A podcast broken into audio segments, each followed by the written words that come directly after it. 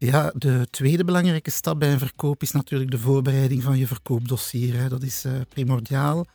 Als verkoper heb je namelijk uh, een uh, informatieplicht, zodat potentiële kopers op de hoogte zijn van alle belangrijke elementen omtrent je woning. Een goed samengesteld dossier voorkomt onnodige discussies die meestal toch maar resulteren in bijkomende prijsonderhandelingen.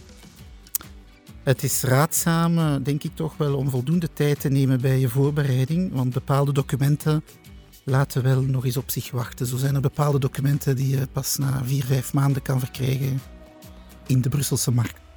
Hallo, welkom bij de vastgoedpodcast van De Walen. Wonen is een primaire behoefte.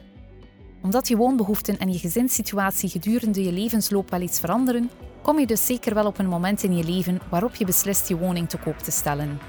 Mijn naam is Stefanie Scholier, jullie host, en vandaag verwelkom ik Tom Mestag, vastgoedmakelaar bij De Walen.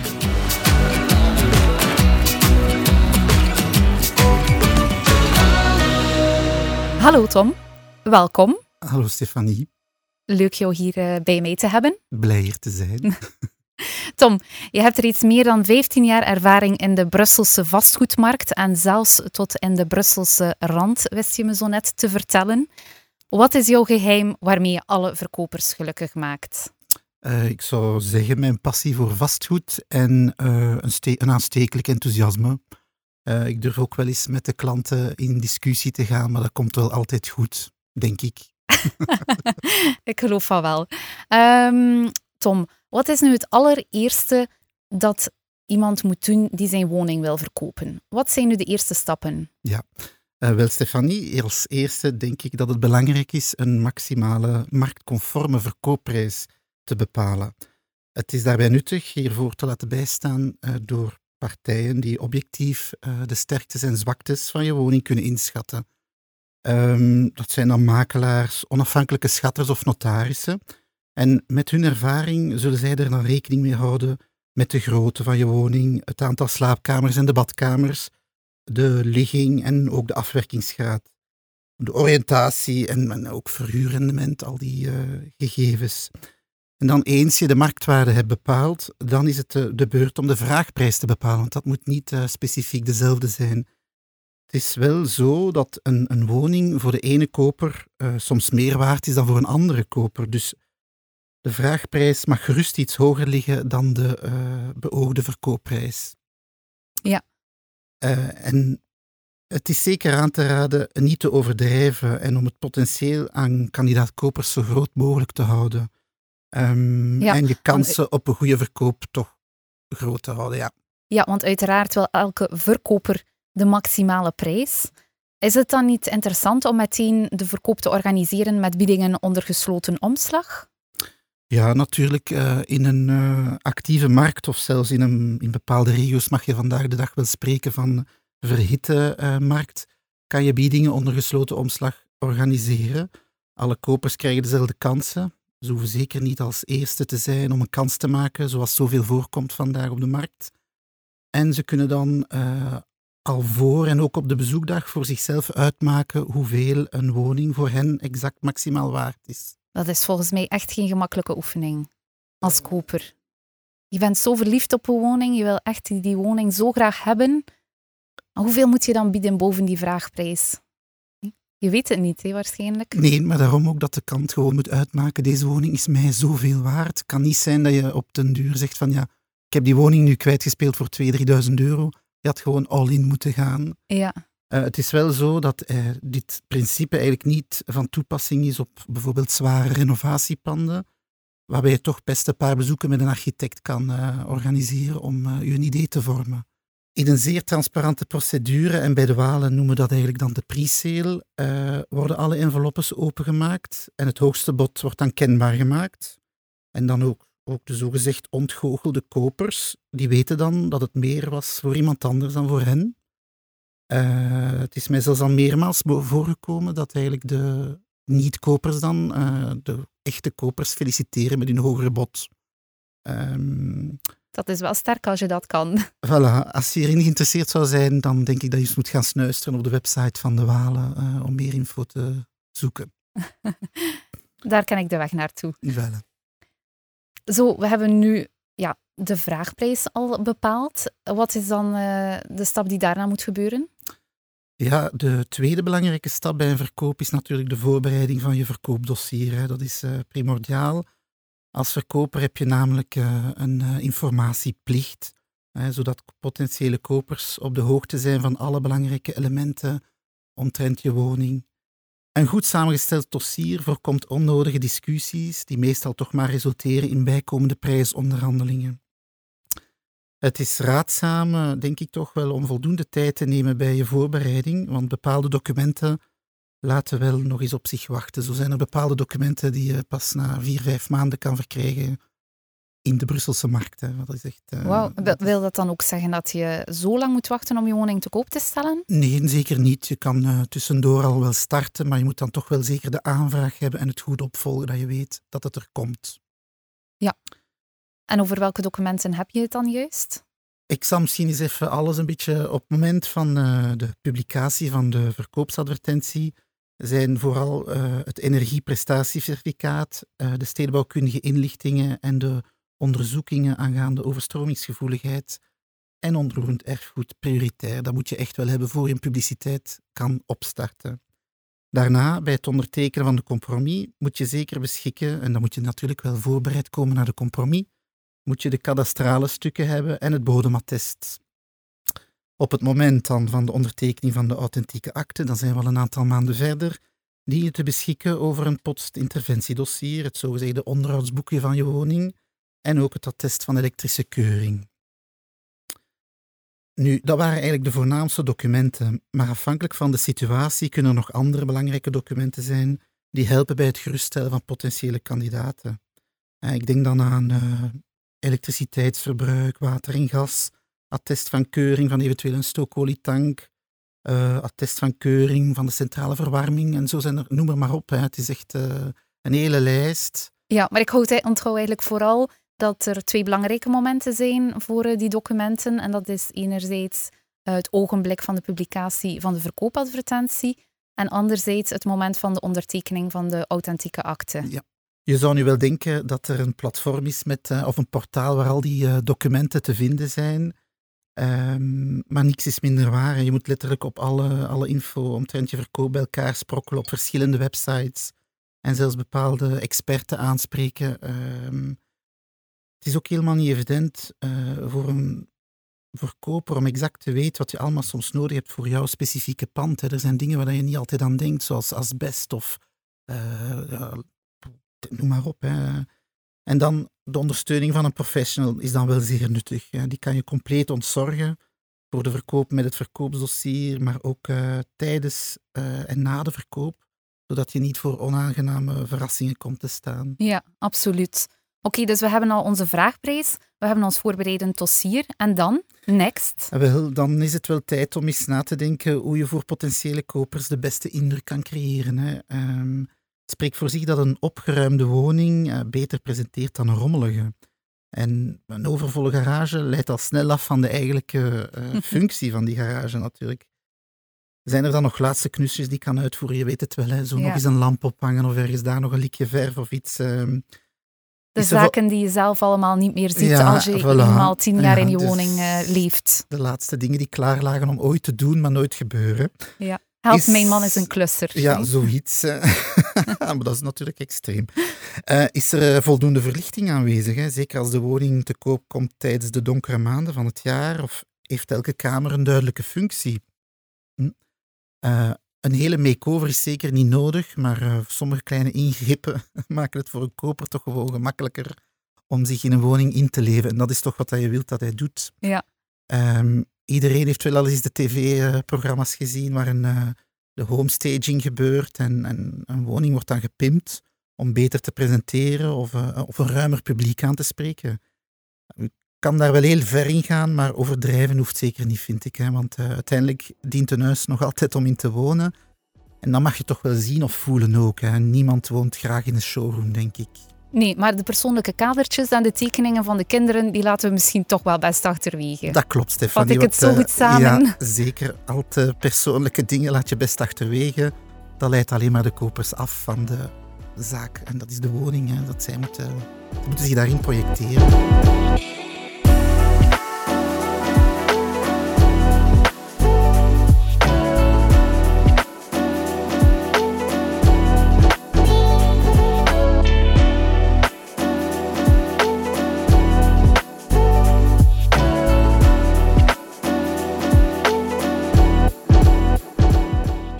Los van uh, de zaken die je aanhaalde omtrent het, homestaging en het uh, vastgoedstylen van je woning. Wat als je dan een vreselijk vochtprobleem hebt in je woning? Tja. Mag je die dan verdoezelen? Iedereen heeft in, uh, daar wel eens over gehoord hè, van de verborgen gebreken. als koper, als de koper na enkele maanden merkt van ja, hier is toch iets willen snel verdoezeld, tijdens de verkoop, eh, dan uh, kan de verkoper daar nog altijd verantwoordelijk uh, worden voor geacht. En dat kan wel ettelijke duizenden euro's, allee, een on onverwachte factuur van duizenden euro's zijn. Het is wel enkel in het geval dat er kwaad opzet aangetoond kan worden dat je van de kant van de verkoper dat dat dan van toepassing is. Hè. Dus heb je bijvoorbeeld nu dat aanslepend probleem of een vochtprobleem met de woning, en, en dat kan dan gaan van dan lekkend tak of uh, structurele problemen, uh, er zijn hele race mogelijkheden, dan is het toch wel aan te raden tijdens de verkoop de nodige herstellingsfacturen en eventuele garanties voor te leggen.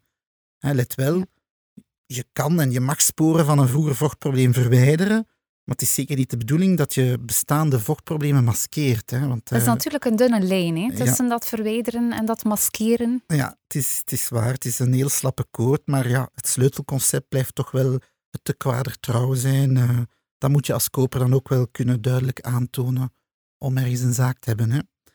Ja. Uh, blijft er dan toch nog een bepaald probleem in je woning over? Hè? Dat is niet allemaal uit te sluiten. Er zijn dingen die, die je niet meer op tijd kan oplossen. Um, dan is het toch wel altijd interessant om dat te melden aan je kopers. Uh, ik denk dat je daar best zo transparant mogelijk in blijft. En je verbelt het dan ook best in de compromis, zodat er uh, zeker geen sprake meer kan zijn van een verborgen gebrek met uh, terkwadertrouw. Ehm. Ja, dat mogen we zeker niet vergeten. Maar wat wordt er, wat wordt er zoal het meest vergeten bij een te koopstelling? Waaraan wordt vaak niet gedacht door de verkoper? Uh, laat ons zeggen, uh, uit ervaring kan ik wel zeggen dat de meeste verkopers vergeten vanuit het oogpunt van een koper naar hun woning te kijken of naar de verkoop. Uh, het is belangrijk, we hebben het al daarnet uh, aangehaald, een compleet verkoopsdossier te hebben, zodat de koper zich geïnformeerd voelt en dat hij dan ook wel alle punten die hij belangrijk vindt voor de aankoop onder ogen heeft.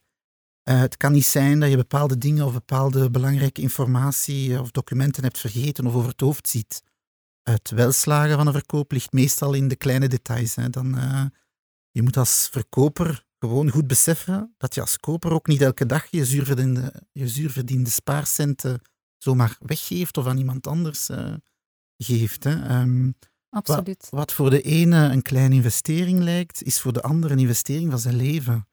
En dus ja, mm -hmm. het gaat toch altijd over uh, veel geld.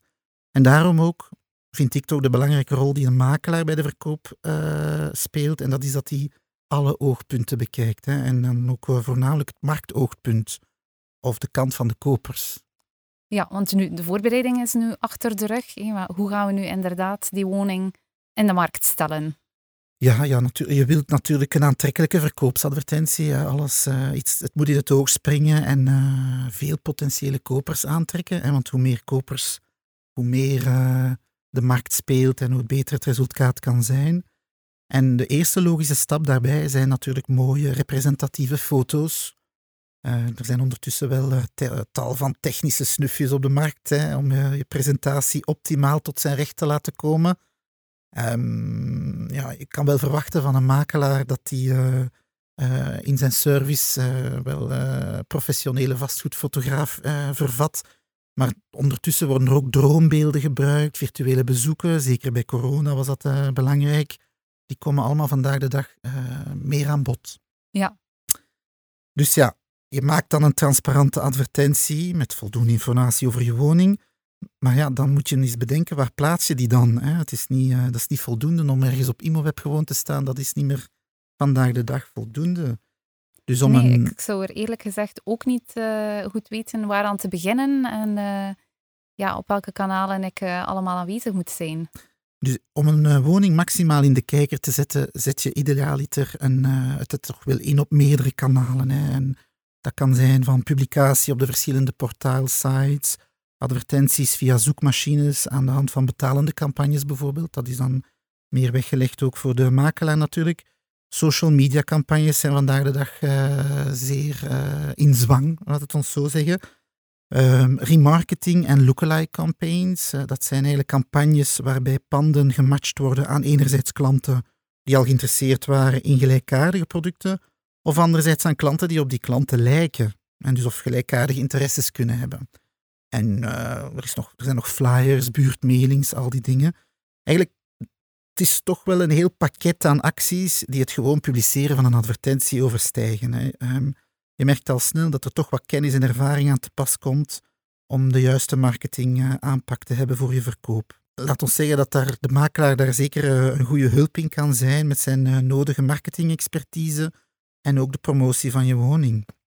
Het is van belang eigenlijk bij de opstart van de verkoop direct zoveel mogelijk kandidaat-kopers te bereiken en om je kansen op een maximale verkoopprijs toch hoog te houden met een halve of zelfs een valse start, dat, dat gaat niet lukken. En dan loop je het risico dat de woning te lang op de vastgoedmarkt staat en dat, je eigenlijk, uh, dat het verbrand geraakt. Dat is ook zo'n term die iedereen wel kent. Ja. Um, en dan op termijn vermoedelijk een lagere verkoopprijs tot gevolg. En dan de dag van de bezoeken is aangebroken. Ja, één gouden raad. Hè. Ja, stel kandidaat-kopers gerust geven het gevoel dat jouw huis hun thuis kan worden. En dat is wel heel belangrijk. Je moet daartoe antwo antiquaat antwoorden op vragen van kandidaat-kopers, zonder onnodig uit te wijden over de dingen die voor hen niet belangrijk zijn. Hè. Sommige eigenaars zijn heel fier op hun tuin en wat ze daar allemaal hebben mee gedaan, maar dat is helemaal niet van toepassing. Maar dan, de rondleiding was succesvol, de kandidaat-koper is overtuigd, maar blijkbaar was hij niet de enige kandidaat-koper die gek was op jouw woning. Hè.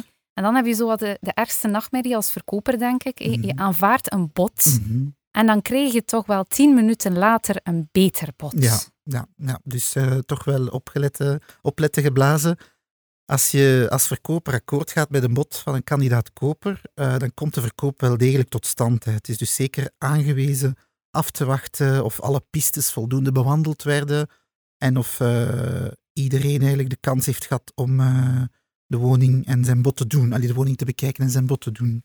Het is ook zo, een koper wil natuurlijk vaak zijn bod zo kort mogelijk houden om de druk wat op te voeren en het snel, snel te weten of hij het is die de woning gaat hebben.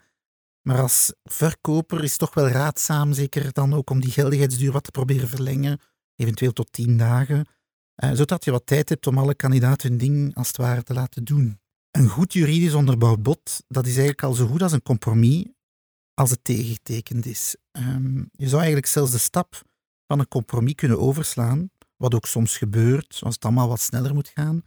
Maar uh, in de meeste gevallen is het toch aan te raden nog een compromis te ondertekenen met de betaling van, de fameuze, van het fameuze voorschot, dat dan als garantie kan dienen voor de uitvoering van het contract. Wanneer krijgt de verkoper dan precies zijn geld? Wel, als je het al eens hebt meegemaakt, dan weet je uh, dat na het, uh, het bod meestal snel het tekenen van de compromis volgt. En op dat moment betaalt de koper bij de notaris een voorschot van 10 of in bepaalde gevallen zelfs maar 5% van de aankoopprijs.